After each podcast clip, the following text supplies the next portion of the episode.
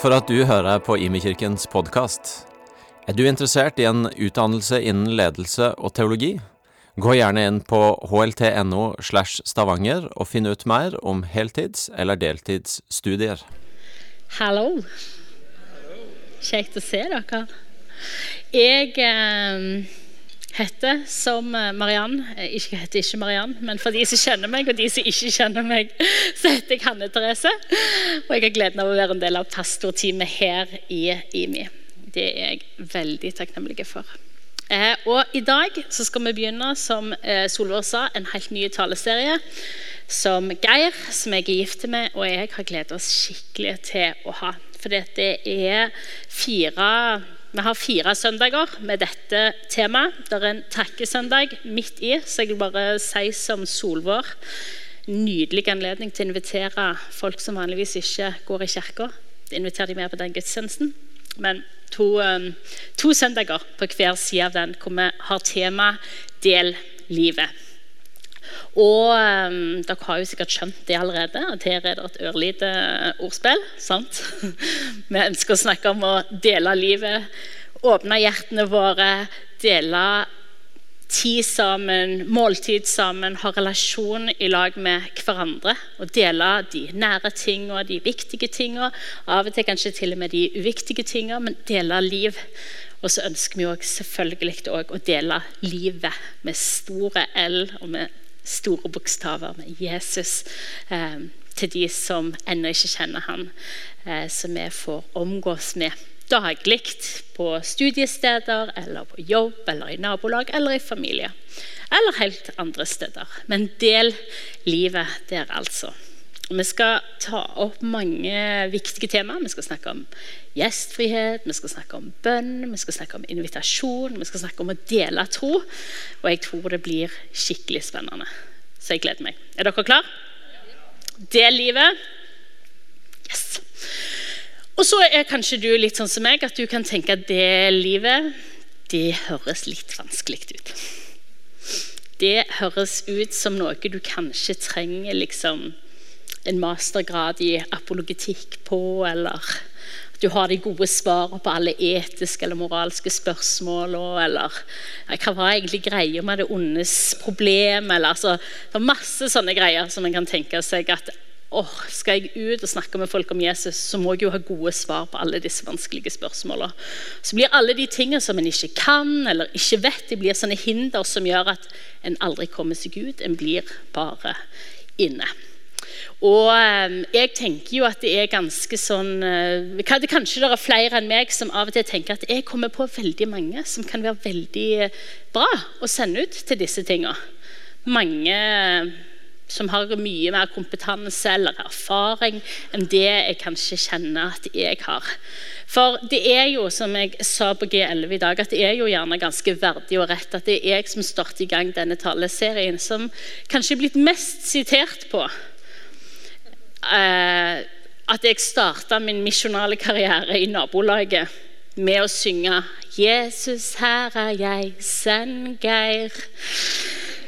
Og jeg kjente at det var helt riktig. At det var mye bedre å sende Geir, for han var mye bedre på smalltalk enn det jeg var. og det var, Nei, jeg, liksom. Jeg så en sånn plakat en gang hvor det sto Introverts unite separately in your own homes. Så tenkte jeg ja, dette kan jeg enes i. Noen av oss er mer introverte enn andre, men, eh, men denne taleserien den er for deg uansett hvor ekstroverte eller hvor introverte du føler deg, eller hvor god du kjenner deg på smalltalk, eller hvor mye du mener at du har svaret på livets store spørsmål eller ei, så handler denne taleserien om deg, og den handler om meg.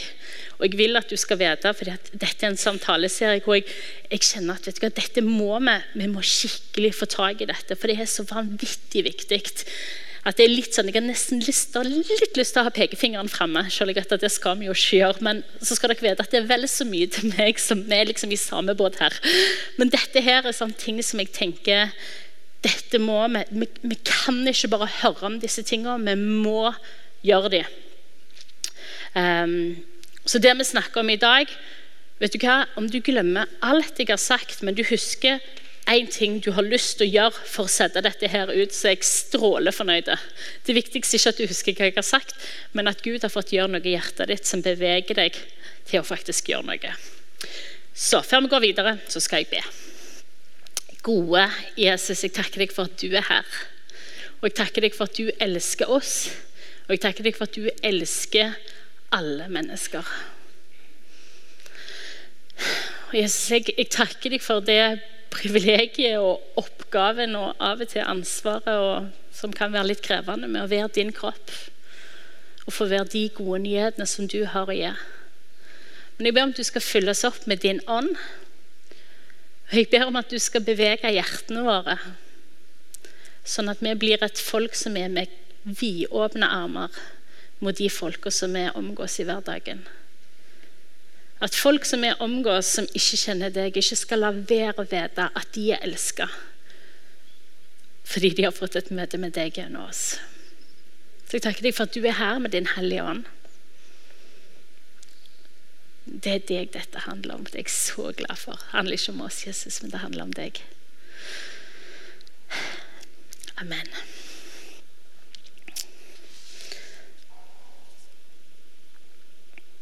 Jeg tror ofte at vi kan gjøre det litt komplisert å dele tro. Jeg vet ikke om du eh, noensinne har tenkt at eh, måten som jeg aller best deler tro på, det sikrer meg at i det middagsselskapet jeg har vært på, eller den festen jeg har vært i, eller sånne ting, så lenge jeg har fått sneke inn navnet Jesus mange nok ganger, da har jeg liksom vunnet den festen eller det middagsmåltidet eller sånne ting. Så lenge jeg har sikra meg at det har blitt uttalt. Så vil jeg bare si at det er ikke sånn, sånn vi tenker om å dele liv og tro. Og det har jeg bare lyst til å si veldig tydelig og med store bokstaver i dag at den aller beste måten vi deler liv og deler tro på, det er å elske folk som er rundt oss. Um, og det kan jo absolutt konkretiseres med å invitere noen på en gudstjeneste eller fortelle de gode nyhetene om Jesus og hva du tror på. Absolutt. Men målet vårt er ikke å vinne en diskusjon, men å gi folk en erfaring av at Gud elsker dem. Jeg skal bare stille meg på denne sida, for jeg føler meg litt bedre på denne sida. Liker dere òg? Men jeg liker bare å stå på denne sida. Å gi folk en erfaring av at Gud elsker dem. Så handler det ikke om å være steingod i apologetikk. Føler dere jeg har sagt dette mange nok ganger? Apologetikk er kjempeviktig. Men det er ikke sånn at du må ha oppbygd deg denne kompetansen før du går ut. Um, men la oss si at det er for de òg. Det er òg for de som er steingode på apologetikk. Heldigvis. Vi trenger de. Det er ikke for de nødvendigvis som bare er spesielt fromme eller som er spesialister på et eller annet felt. Det er for alle av oss. Alle som tror på Jesus og ønsker å følge etter han. Um, ja. Og så vil jeg bare si i dag skal vi i hovedsak snakke om gjestfrihet, og det syns jeg er kjempespennende. Dette er et sånn, Før vi i det hele tatt visste om at vi skulle bruke denne taleserien, her, så gjestfrihet har vært et, sånn et tema som jeg bare har eh, merket at Gud har skapt et hjerte for meg på. Og Samtidig så skal det være sagt at jeg, jeg, står ikke her først og fremst fordi at jeg er ekspert på dette. her. Som Jeg sa, jeg føler jeg snakker vel så mye til meg sjøl. Jeg blir vel så mye utfordra av dette her som det jeg tenker at eh, dere kanskje gjør. Paulus sier et eller annet sted at han kommer ikke med stor talekunst. og jeg tenker kanskje at jeg, Det er ikke sånn at jeg kommer med som Pidestall gjestfrihetseksempler. Men vi kan få lov å gå en vandring i lag da, på hvordan det kan være å være Jesu vidåpne armer til folk som er rundt oss. Eh, vi skal begynne med å se på noen bibelvers. Eh, og En av de måte, navnene som Jesus bruker om seg selv, er menneskesønnen. Du kan lese om det i mange settinger i evangeliene at Jesus bruker det. Men det er spesielt tre skriftsteder som peker på Jesu oppdrag. Hvorfor menneskesønnen kom. Eh, og Vi kan begynne med å lese eh, i Lukas 19, vers 10. Der står det Her har jeg fått med både det engelske og det norske. Og litt skrivefeil, men det er helt greit. La oss bare se det Geir som har klippa limt fra mine notater. Sånn er den regel litt mer analog enn han er. Det første så står det at menneskesønnen han er kommet for å lete etter de bortkomne og berge dem. Det er det første. For menneskesønnen er kommet for å lete etter de bortkomne og berge dem. Og I Matteus 20, 28 så står det at han har kommet for å gi sitt liv som løsepenge for mange. Det er de to første eh, referansene på Jesu oppdrag om menneskesønnen. Og De handler jo om hans hensikt. Det var hvorfor han kom. Han kom for å gi livet sitt, for å være frelser. Og så er det det siste, da, som vi kanskje kan si handler om Jesu metode. Jeg vet at noen, Det skurrer litt i ørene når vi snakker om metode. Vi skal snakke mer om det senere. Men menneskesønnen, hvordan gjorde han dette? da? Denne hensikten han hadde, og dette oppdraget han hadde. Og Da leser vi menneskesønnen kom, han spiser og drikker. Og Vi kan smile litt og le litt. og så Noen av oss Geir lurte på om jeg tok det vekk med vilje på G11 i dag, men det gjorde jeg ikke. Men det står jo sant at han ble kalt for en storeter og en vindrikker. Det sier jo noe om at det ikke liksom bare litt han spiser og drikker, men det er ikke sikkert han var storheter og vindrikker, men dere skjønner, han har i hvert fall skaffet seg et bilde av at dette er noe han gjør. Og Sannheten er at Jesus han spiser ganske mye i evangeliene. Og det er sånn at Dere tenker at nå flåser jeg når jeg sier det, men det er faktisk ikke flås. For eksempel, Hvis du leser i Matteus evangeliet, så er det 94 referanser til mat. Det er ganske mye. 94 referanser til mat. Og Så kan du ta Bla deg litt videre, så kommer du til Lukas. og Der er det 50 referanser til mat. Og Da tenker du det er litt mindre enn det Matteus er, men, men, det skal du ikke la deg lure. For det er både litt mindre eh, evangelium, og så er det sånn at i Lukas så er det som om Jesus spiser hele veien. For Det er, det er en teolog som har sagt det at uh, I Lukas er det akkurat som Jesus. Han er alltid enten på vei til et måltid, eller han er i et måltid eller han er på vei fra et måltid. Det tenker jeg er faktisk helt konge. Og så tenkte jeg, Han ble jo faktisk født og lagt i et matfat. Det, it all adds up her. Men det er, det er liksom tydelig. Jesus han spiste og han drakk, og han var på vei fra det ene måltidet til det andre. Noen vil gjerne si at han beveger seg fra øyeblikk av gjestfrihet til øyeblikk av gjestfrihet. Og Det er ingen tvil om at på den måten Jesus levde, helt sentralt der sto bordet og måltidsfellesskapet rundt bordet. Og jeg tenker jo at Det er helt naturlig, fordi at når en samles rundt et bord, så, så deler en liv og en deler relasjon, og en har en samtale som er på en helt annen måte enn det en gjør um, hvis en tilfeldigvis treffer på hverandre, eller hvis en holder på med en eller annen diskusjon med tempelplassen.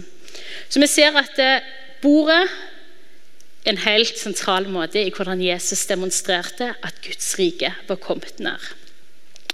Og så sa jeg at dette her med, det kan jo høres litt sånn Dette var Jesu metode for å, for å vise dette. Så er det jo noen av oss sånn, som bare, ah, får litt sånn utslett av tanken at nå, ja, dette høres ut som metode og evangelisering. og Eh, nå blir folk gjort til prosjekter, og nå blir det en greie på at ja, du kommer til meg og spiser middag, du får middag, jeg får holde en 15 minutters andakt til deg om Jesus, og så har vi gjort en byttehandel, og alle er fornøyde. Og så har jeg lyst til å si at nei, det er jo ikke sånn type gjestfrihet vi snakker om. Det er ikke en sånn type hvordan kan jeg få snikangrepe deg med en eller annen form for formidling hit og dit, eller sånne ting. La oss bare være enige om at det er innstegene vi har når vi snakker om metode. Vi snakker om metode fordi at det handler handler om måten som en gjør liv Dette var hvordan Jesus gjorde livet sitt, og det er et nydelig utgangspunkt for oss. Det er en som har sagt det sånn, og det er litt på spissen, men jeg synes det var gøy for det, men han sa sånn som dette her. Om Jesus hadde en metode for evangelisering, så er det dette.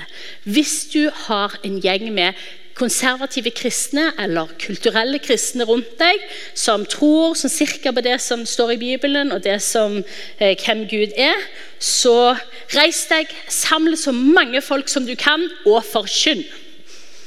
Men hvis de folka du har rundt deg, er folk som eh, kanskje kjenner seg litt på utsida, som kanskje er blitt eh, såra av kirka eller av Guds familie, eller hvis de føler at de er født inn i feil familie, eller at de har feil moral, eller hvis de aldri kunne tenkt seg å vært en del av organisert religion, så inviterer de til et måltid. Sett deg ned sammen, del liv, snakk sammen. Snakk smalltalk, snakk om de uviktige tingene. Snakk om de viktige tingene. Del med meninga. Hva er meninga med livet her? Hvordan ser livet ditt ut? Hva, hvordan har du det? Snakk. Men ikke bare snakk. Lytt. Lytt til hvor de som du er sammen med, lytt etter hvor de er henne. Hva er det som er viktig for de? Hva er det som bekymrer de eller gleder de? Og lytt til de der som de er, ikke der som du tenker at de burde være. Men bare vær sammen med dem, og elsk dem. Det syns jeg høres ut som en fin metode eller ikke metode. Kall det hva du vil. Bare elsk folk. Ikke hvor mange ganger kan jeg nevne Jesus mens hedningene er på besøk. Men hvor tydelig kan jeg vise at jeg bryr meg om dem? At jeg har lyst til å bli kjent med dem, og jeg har lyst til å bygge relasjon fordi Gud elsker dem. Jeg tror at Kirka kan være løsningen på det vanvittige problemet som jeg ser at ensomhet er i vårt samfunn i dag. Jeg tror at hvis Kirka og når jeg sier kirka, så mener jeg du og jeg. Hvis vi hadde tatt på alvor hvordan våre dører kan være åpne Hvordan våre bord kan være åpne for folk som er rundt oss, så tror jeg det hadde vært porter for håp og porter for tilhørighet og porter av gjestfrihet som hadde gjort at dette samfunnet her hadde blitt forandra. For det er noe med at Når vi møtes rundt bordet, så handler det ikke om at du tror dette og jeg tror dette, og jeg har plassert deg i denne boksen og du har plassert meg i denne boksen, men en kommer på en måte bare i lag da, som mennesker som deler liv. Og så kan Kanskje vi kan være enige om at vi er uenige om veldig mange ting, men det gjør ingenting. Vi kan ha en veldig fin relasjon for det. For en måte å leve på. Jeg kjenner det koster og så er det et privilegium. Gjestfrihet det er satt sammen av to greske ord. Det ene er filos, som er et av ordene som handler om å elske. Og så er det senos, som betyr eh, fremmed, ukjent, outsider, immigrant, gjest. Å elske de du ikke kjenner. Det er jo på en måte motsatsen til det, kan, det, ordet som heter xenofobi, som handler frykten for de vi ikke kjenner, eller det vi ikke kjenner, eller det ukjente. Så gjestfrihet er på en måte motsatsen til den frykten. Jeg, jeg, eh, jeg har lest en bok som heter 'The Gospel Comes With a House Key'. Jeg skulle ønske jeg kunne vist den til dere, men jeg lånte den vekk etter G11. Men den er skrevet av ei som heter Rosaria Butterfield. Eh, og hun har et begrep i denne boka hvor hun snakker om radikal, vanlig gjestfrihet. Og det tenker jeg yes, dette skal vi snakke mye om og lenge om og høyt om. Radikal, vanlig gjestfrihet. Fordi det er det jeg tror Jesus peker på. Hun sier noe om at det gjør fremmede til naboer og naboer til familie. Bry deg, de, bry deg om de tingene som naboen din bryr seg om. Start der du er, og se rundt deg for hvem som trenger deg. Kommuniser kjærlighet i ord og handling. Gjør deg sjøl verdig tilliten til å bære ekte liv og ekte problem. Eller som en annen har sagt om gjestfrihet det er å uttrykke Gud Faderens velkomst til alle gjennom kjærlighetshandlinger som kan erfares. Kanskje først og fremst gjennom mat og husly og relasjoner, men det er på en måte vanskelig å definere, for det handler om en hjerteholdning da, som lekker ut i tid, penger, ressurser, hjem osv. Så, videre. så vi ser at det var en tydelig del av Jesus sitt liv. Og så Når vi leser videre i Det nye testamentet, så ser vi også at dette er en sånn ting som, som de første kristne ikke slipper. Vi skal se noen, noen bibelvers på dette. her, og, og, Grunnen til at jeg har lyst vi skal se litt på det, at jeg, jeg tenker at det, det, viser oss hvordan Vi er meint å følge Jesu eksempel på dette her, og fortsette med gjestfrihet. Jeg vil nesten tenke at dette med gjestfrihet det er en åndelig disiplin. Og Når vi snakker om åndelige disipliner, så snakker vi om bønn, vi snakker om Bibel, vi snakker om faste, vi snakker om stillhet. Jeg elsker alle de, ja og amen, men jeg tror helt sammen med de er dette med gjestfrihet.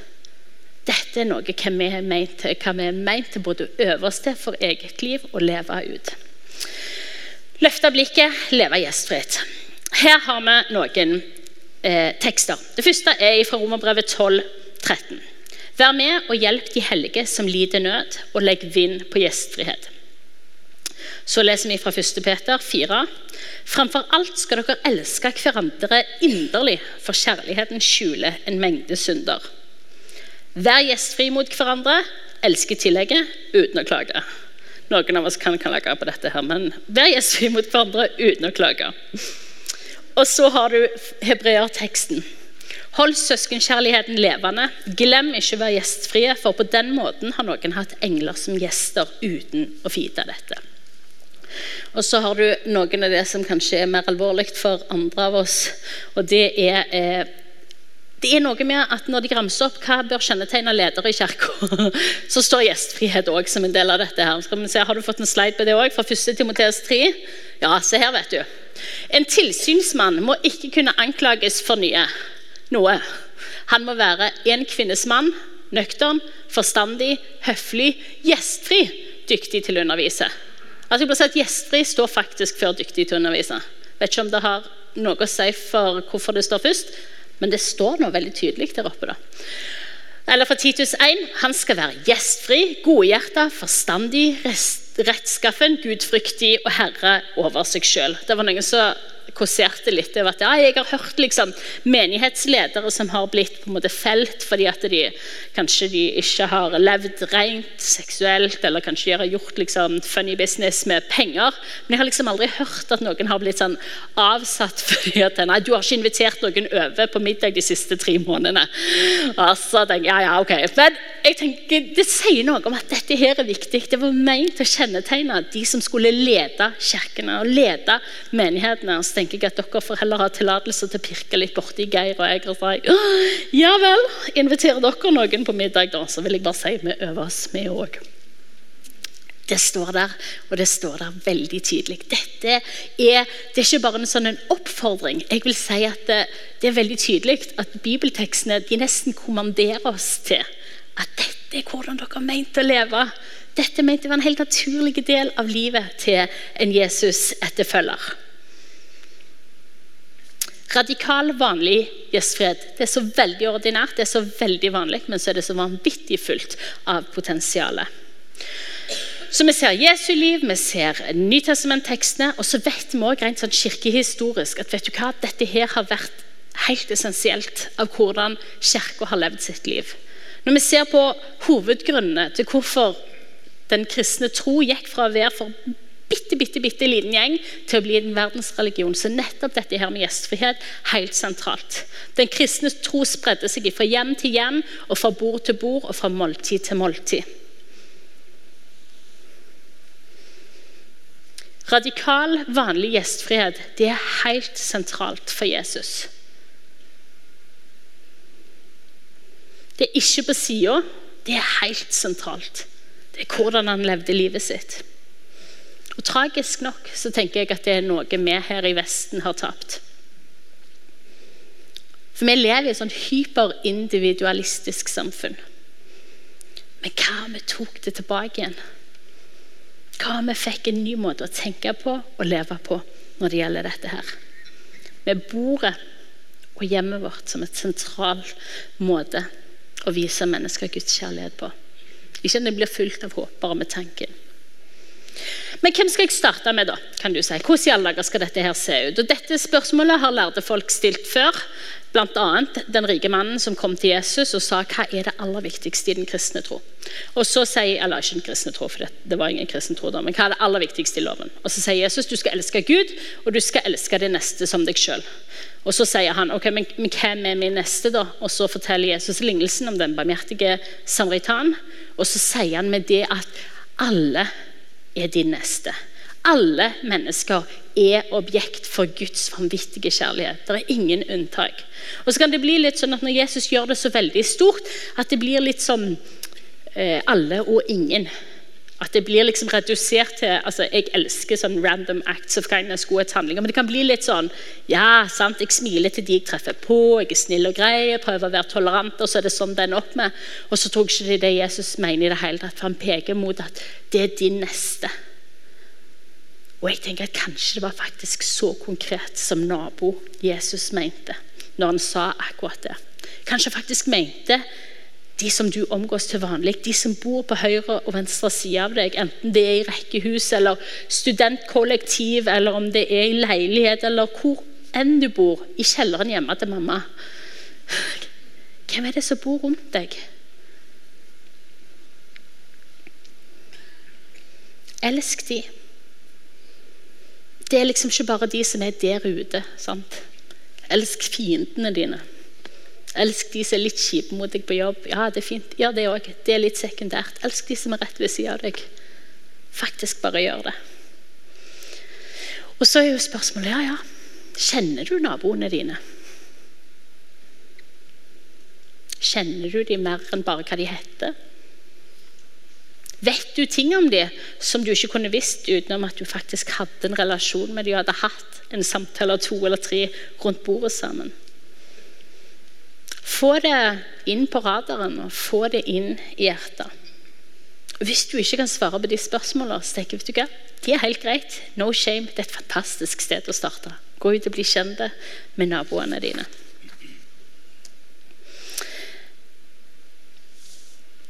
Rosaria Butterfield, som har skrevet denne her boka, som jeg nevnte, hun eh, har en veldig interessant historie. Hun var eh, litt sånn langt, langt, langt langt, langt ut på venstresida. Radikal feminist som levde i et lesbisk partnerskap. Hun var professor med et universitet, og hun var spesialist på postmoderne eh, kritisk teori og litteratur. Noen vil kanskje si at hun ikke nødvendigvis var sånn prime subject for Jesus, tro. Og det kunne hun ha vært, altså, men i tillegg så holdt hun på å skrive ei bok om hvordan bibeltroende kristne faktisk er det verste. En trussel for samfunnet. Men så er det jo sånn at akademikere vet, eller burde iallfall vite, at hvis du skal skrive om noe, så må du forske på det. Du må ha en sånn type kjennskap til hva materie du holder på med. Så hun visste at jeg må finne noen bibeltroende kristne et eller annet sted som jeg har snakka med. Så hadde hun skrevet en leder i en New York-avis hvor hun hadde slakta en kristenmannskonferanse, Promise Keepers, og så skriver hun da at hun har en sånn hang til kanskje nesten sånn selvskading. At hun leser alle, all posten hun får. Hun sier jeg får så mye så mye kjipe brev fra masse kristne. Og sikkert ikke kristne òg. Um, men så, blant disse brevene som hun har fått, så får hun åpne et brev som hun sier er så nådig. Tydelig uenig, men nådig. Og så avslutningsvis så er det en middagsinvitasjon. Så tenker hun ja, ja, jeg trenger noen bibeltroende kristne å forske på. Jeg får akseptere denne middagsinvitasjonen. Så Hun eh, beskriver hvordan hun har kjørt bilen sin i oppkjørselen. og Så sitter hun der og bare snakker med seg sjøl. Jeg er blitt helt har det tilta helt for meg. Nå skal jeg inn til disse som representerer alt jeg bare forakter. Alt jeg ikke kan fordra. Skal jeg gå inn og spise middag? Hva har jeg gjort for noe? Men så velger hun å gå ut av bilen, og så velger hun å gå bort til døra og inn i det hjemmet. Og så skriver hun eh, om hvordan hun opplever gjestfrihet og opplever kjærlighet og kjærlighet uttrykt som velkomst over et måltid. Og hvordan det forandra livet hennes. For hun var til middag den gangen. Og så kom hun på middag en gang til, og en gang til, og en gang til. Og så fikk de blitt kjent, disse som virket som virkelig på hver sin side av verden i forhold til hva en tror på og representerer. Og så handla det ikke lenger om kategorier og merkelapper, men det handla om å møtes over måltidet. Og hvem er du, og hvem er jeg, og hvem hva, hva, hva gjør vi for noe her? Og så velger hun å ta imot Jesus etter hvert. Og så har hun gjort dette til litt sånn livsbudskapet sitt, dette med gjestfrihet. Og så sier hun at eh, noe av det urovekkende er at LGBTQ-miljøet er vanvittig mye bedre på gjestfrihet enn det kirka er. Og Det er ikke sagt som en sånn det, er bra at folk er gjestfrie, men poenget er å men, men dette er jo vår arv. Dette er jo på en måte, dette er hva vi har historie på. Vi burde være steingode på gjestfrihet og ha vidåpne armer for folk som har lyst til å høre til. Og så har hun et uh, sitat i boka si som jeg, jeg har slakta det litt, altså, for det gikk gjennom, litt sånn raskt gjennom oversettelsesloopen min. Men la oss se, da, i boka si. De som lever ut radikal, vanlig gjestfrihet, ser ikke på hjemmene sine som sine i det hele tatt, men Guds gave til bruk for å utvide Hans rike. De åpner dører, leter etter de som er uten privilegier, og de forstår at evangeliet kommer med en husnøkkel er huset ditt ditt, eller er det en gave? Det tilhører Faderen. Han har tiltro til at du kan forvalte det. Alt du har, er hans, men han stoler på deg til å forvalte hans rikdom. Er døra di låst eller ulåst? Er bordet ditt åpent eller lukka? Start her, og start rundt bordet ditt. Og jeg elsker det perspektivet. Er huset ditt ditt, eller er det Gud sitt? Man tror hvordan Gud hadde brukt det huset, eller det bordet, eller den Ikke la oss henge oss opp i hvordan det ser ut. Det er en studentkollektivrom, eller hva det måtte være. Hvis det er Gud sitt. Hva hvis hjemmene våre slutta å være steder hvor vi gjemte oss for verden, men ble havner hvor verden kom til for helbredelse. Jeg liker dette begrepet om, om, å være utposter for Guds rike. Det var en som sa tenk om vi forsto hjemmene våre som utposter for Guds rike. Erfarbare steder for Guds kjærlighet, Guds nærvær midt i nabolaget. For meg blir det som sånn fyrtårn over byen vår. Her vet folk i byen at her kan de komme her er det åpent for dem, her er det plass til dem, her kan de bli sett. Og de kan bli hørt og de kan bli lytta til og fått vist omsorg for. Og Jeg har så lyst til at det skal være sannheten om hvem vi er. Noen av dere kjenner ei veldig flott dame som heter Unn Wenche. Hun eh, delte en historie for mange år siden her i IMI, som jeg ikke har sluppet. og Det er jo noe med de veldig gode historiene, at de kanskje de, de blir, de blir værende igjen. Men hun delte en historie om hvordan hun flytta fra et nabolag hvor hun hadde bodd i syv år. Og så skjønte hun at vet du hva, her er det kanskje ingen som kommer til å savne meg.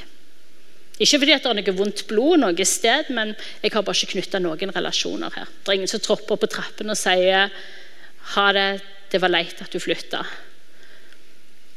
Og så setter hun seg i bilen og så sier hun at det, det utløser nesten en sånn type sorg over hva som ikke har vært, hva som ikke ble. Og Så bestemmer hun seg for at dette skal se helt annerledes ut i det nye nabolaget som jeg flytter inn i. Og så tror jeg at jeg og en Wenche er definitivt ikke helt like. Jeg er veldig inspirert av hvem hun er, men hun og jeg har nok begge sammenheng til å sende ut mennene våre istedenfor å gå ut selv. For Hun sier også, som jeg Dagfinn er veldig god på smalltalk. Men hun bestemte seg for at når hun flytta til dette nabolaget, så skulle ikke hun vente på at folk kom og lente seg inn mot hun, for hun sa De er jo et etablert nabolag allerede. Jeg må vel alene lene meg inn her. Så hun sa hadde så lite lyst, det kosta meg så mye. Men vi gikk rundt og dinkte på dørene og introduserte oss og sa vi har flytta inn i nabolaget. Hun sa noen Kanskje inviterte de inn på en kaffe eller hadde en trivelig prat. Og noen bare OK.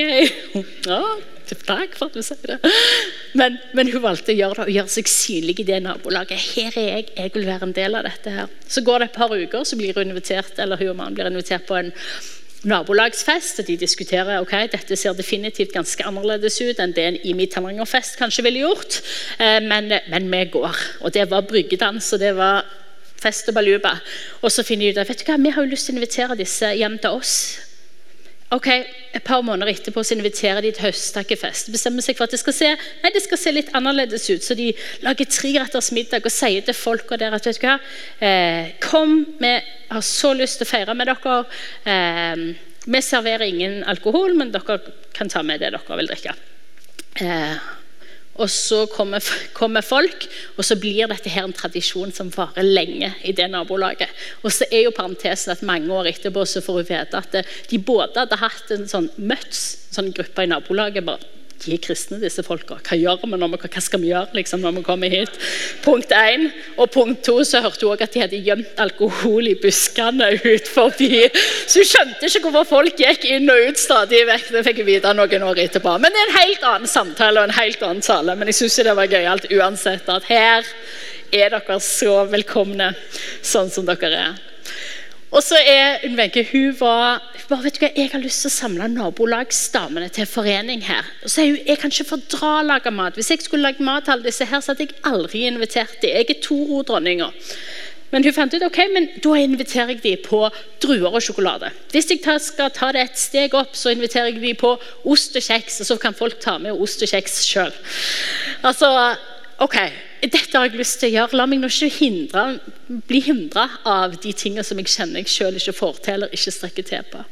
Og Så blir det et sted hvor de fordeler liv, og de fordeler ja, de gode tingene og de glade tingene og alt det sammen. Og så forteller hun at ja, så, så er det klart at der oppstår det jo mange nydelige relasjoner. og Det deler spesielt en om hun ene eh, som er humanetiker Veldig tydelig uttalt, og en Wenche tydelig uttalt kristne, men de er gode venner for det. Og så får hun kreft, eh, denne, eh, denne dama. Og så er hun Wenche en av de første som hun kommer til, for hun sier i denne settingen her så trenger jeg at du er nær meg. Og så er det hun Wenche som følger henne eh, gjennom så mange deler av, av denne fasen. Eh, gjennom de tingene som de gleder seg over, de tingene som de sørger over. De fordeler håp, de fordeler liv, de fordeler tro, de fordeler Jesus. Hun blir med på helbredelsesrommene, hun blir med på gudstjenester. Eh, og De får gå en helt nydelig vandring i lag, Unn Wenche og hun. Men den vandringen hadde de jo aldri fått gått i lag hvis ikke Unn Wenche mange ganger før dette her hadde vist jeg bryr meg om deg. Jeg er tilgjengelig for deg. Jeg har lyst til å være nær deg i de dagene som er gode, de dagene som er kjipe. Hun har på investert så lenge før hun kommer til dit. Og Jeg syns det bare er så nydelig å være tilgjengelig for folk. da.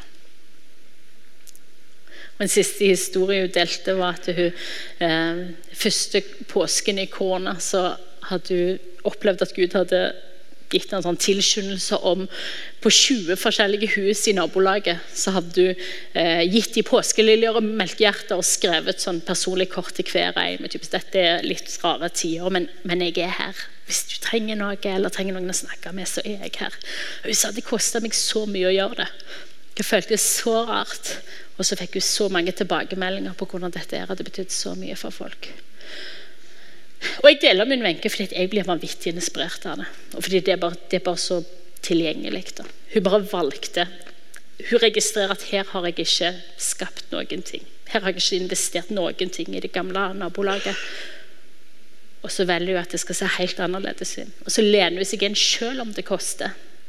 Og jeg vil bare si det at det, det er klart Livet har sesonger, og det er ikke alle sesonger det passer å være gjestfrie. det er det har du min fulle forståelse for. Det kan være sykdom eller det kan være tap eller hva som helst. Så la oss bare ha det sagt at det finnes sesonger som er altfor krevende for å kunne leve for andre enn å holde seg sjøl sammen. Men det finnes òg veldig mange unnskyldninger som er altfor dårlige til at vi ikke lever dette her ut. Som handler om at eh, 'jeg har ikke tid', eller 'jeg har ikke et hus', eller 'jeg har ikke et bord, eller jeg kan ikke lage mat. At det finnes løsninger på alle disse her tingene. Du kan google hvordan du kan lage mat. Har du ikke et hus, så finn deg et hus. Finn din Sakkeus og inviter deg sjøl inn dit. Altså, Det fins så mange unnskyldninger, men jeg vil bare si, vet du hva Legg de fra deg. Vet du hva? Du kan si du ikke har tid, men sannheten er jo at ei, vi lever sikkert travle liv alle sammen. Men du har jo tid til det som du vil ha deg tid til. Og Hvis vi tror at vet du hva, dette var en livsstil som Jesus hadde, som han kalte sine etterfølgere til, så har det faktisk noe å si for hvordan vi bruker tida vår, eller huset vårt, eller bordet vårt, eller ressursene våre. Denne verden de trenger å høre at de er elska. Og de trenger det demonstrert. Og det er faktisk vårt oppdrag. Og Jesus har gitt oss en veldig konkret metode som jeg egentlig tenker høres ganske kjekk ut. Helt ærlig, Jeg vil mye heller invitere og spise og drikke enn å stå på en eller annen såpeboks ute i Stavanger sentrum og proklamere nyhetene der ute. Men her er folk forskjellige. Poenget er ikke at du skal gjøre mye mer enn det du allerede gjør, men åpne døra di til de tingene som du allerede gjør. Ok, Du spiser mest sannsynlig middag hver dag. Kan du ikke invitere en nabo med på det, da? Eller en kollega, eller en studiekamerat, eller et eller annet? Åpne inngangsdøra di. Ikke vent, ikke planlegg. Bare finn et bord og start der. Ta tilbake huset ditt og bordet ditt som en utpost for nabokjærlighet. Og til slutt en deilig del av dette her er jo at vi heldigvis ikke gjør det alene. Dette gjør vi jo i lag med Den hellige ånd, og takk Jesus for det. Gud han jobber alltid, og han er alltid opptatt av at folk skal forstå hvor vanvittig høyt han elsker dem. Men det er kanskje ikke alltid at vi legger merke til hvordan han jobber. Jesus han så folk han som alle andre overså. Blinde, folk som var syke, eller folk som var i nød. Disiplene de, de hasta forbi fordi de tenkte kanskje at de var på vei mot noe som var mye større eller viktigere eller bedre. Men det gjorde jo ikke Jesus. Han stoppet jo opp. Jeg tenker at vi trenger å ta tilbake kunsten i å legge merke til hva Gud gjør rundt oss. Jeg skal si det en gang til. Vi trenger å ta tilbake igjen kunsten i å legge merke til hva Gud gjør rundt oss. Det er ikke alltid det er så dramatisk, det som vi opplever at Gud gjør. Kanskje det bare er en tilskyndelse, som under Wenche, om å legge påskeliljer på dørene til folk. Kanskje hører du tonen i noen sin stemme, eller kanskje de deler med deg de bekymringene de har. Og så er det en invitasjon, og så er det et vindu til relasjon. Og ofte så er faktisk akkurat det Den hellige ånd som highlighter noe som han holder på med, og som du får lov å respondere i.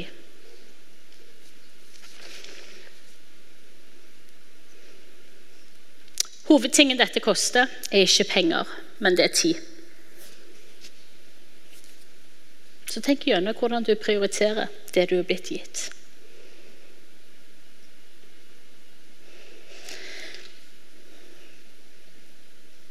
Vi skal få noen spørsmål senere som sier noe om hvordan vi kan sette dette her ut i praksis. Men sørg for at du gjør det konkret og erfarbart.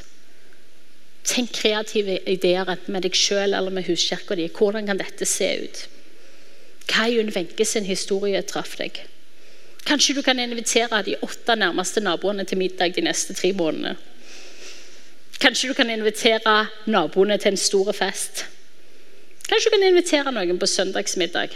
Kanskje du er superinteressert i å se på fotball. Så inviter noen med deg på det. Kanskje du er steinglad i å lese. Lag en leseklubb. Gjør huset ditt til et hengested for ungdommene. Men bare gjør et eller annet. Og Få med deg at eh, gjestfrihet det er liksom ikke bare en event i en kalender. Det er ikke sånn Instagram-friendly hus som må se clean ut og perfekt ut, eller et eller annet. Gjestfrihet er en livsstil. Jeg har ei åpen dør. Jeg har så lyst til at du skal være der. Gud har tatt vanvittig varmt og sjenerøst velkommen, deg velkommen. Vi skal få sende den varme velkomsten videre. Dere kan få reise dere.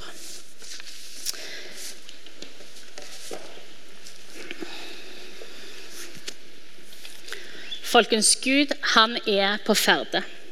Han er på ferde rundt oss, og han inviterer oss til å være med. Min bønn er at vi skal være vanvittig nysgjerrige på andre mennesker. vanvittig nysgjerrige på hvordan vi kan demonstrere for de folka som er rundt oss, at Gud elsker dem. Og så har jeg lyst til at vi skal fortsette å spørre dette spørsmålet som vi har stilt så lenge i denne menigheten. Men hva gjør du nå, Gud? Gud, hva gjør du nå i nabolaget mitt? Hva gjør du nå på jobben min eller studiestedet mitt? Og så blir du han med han på det som han gjør.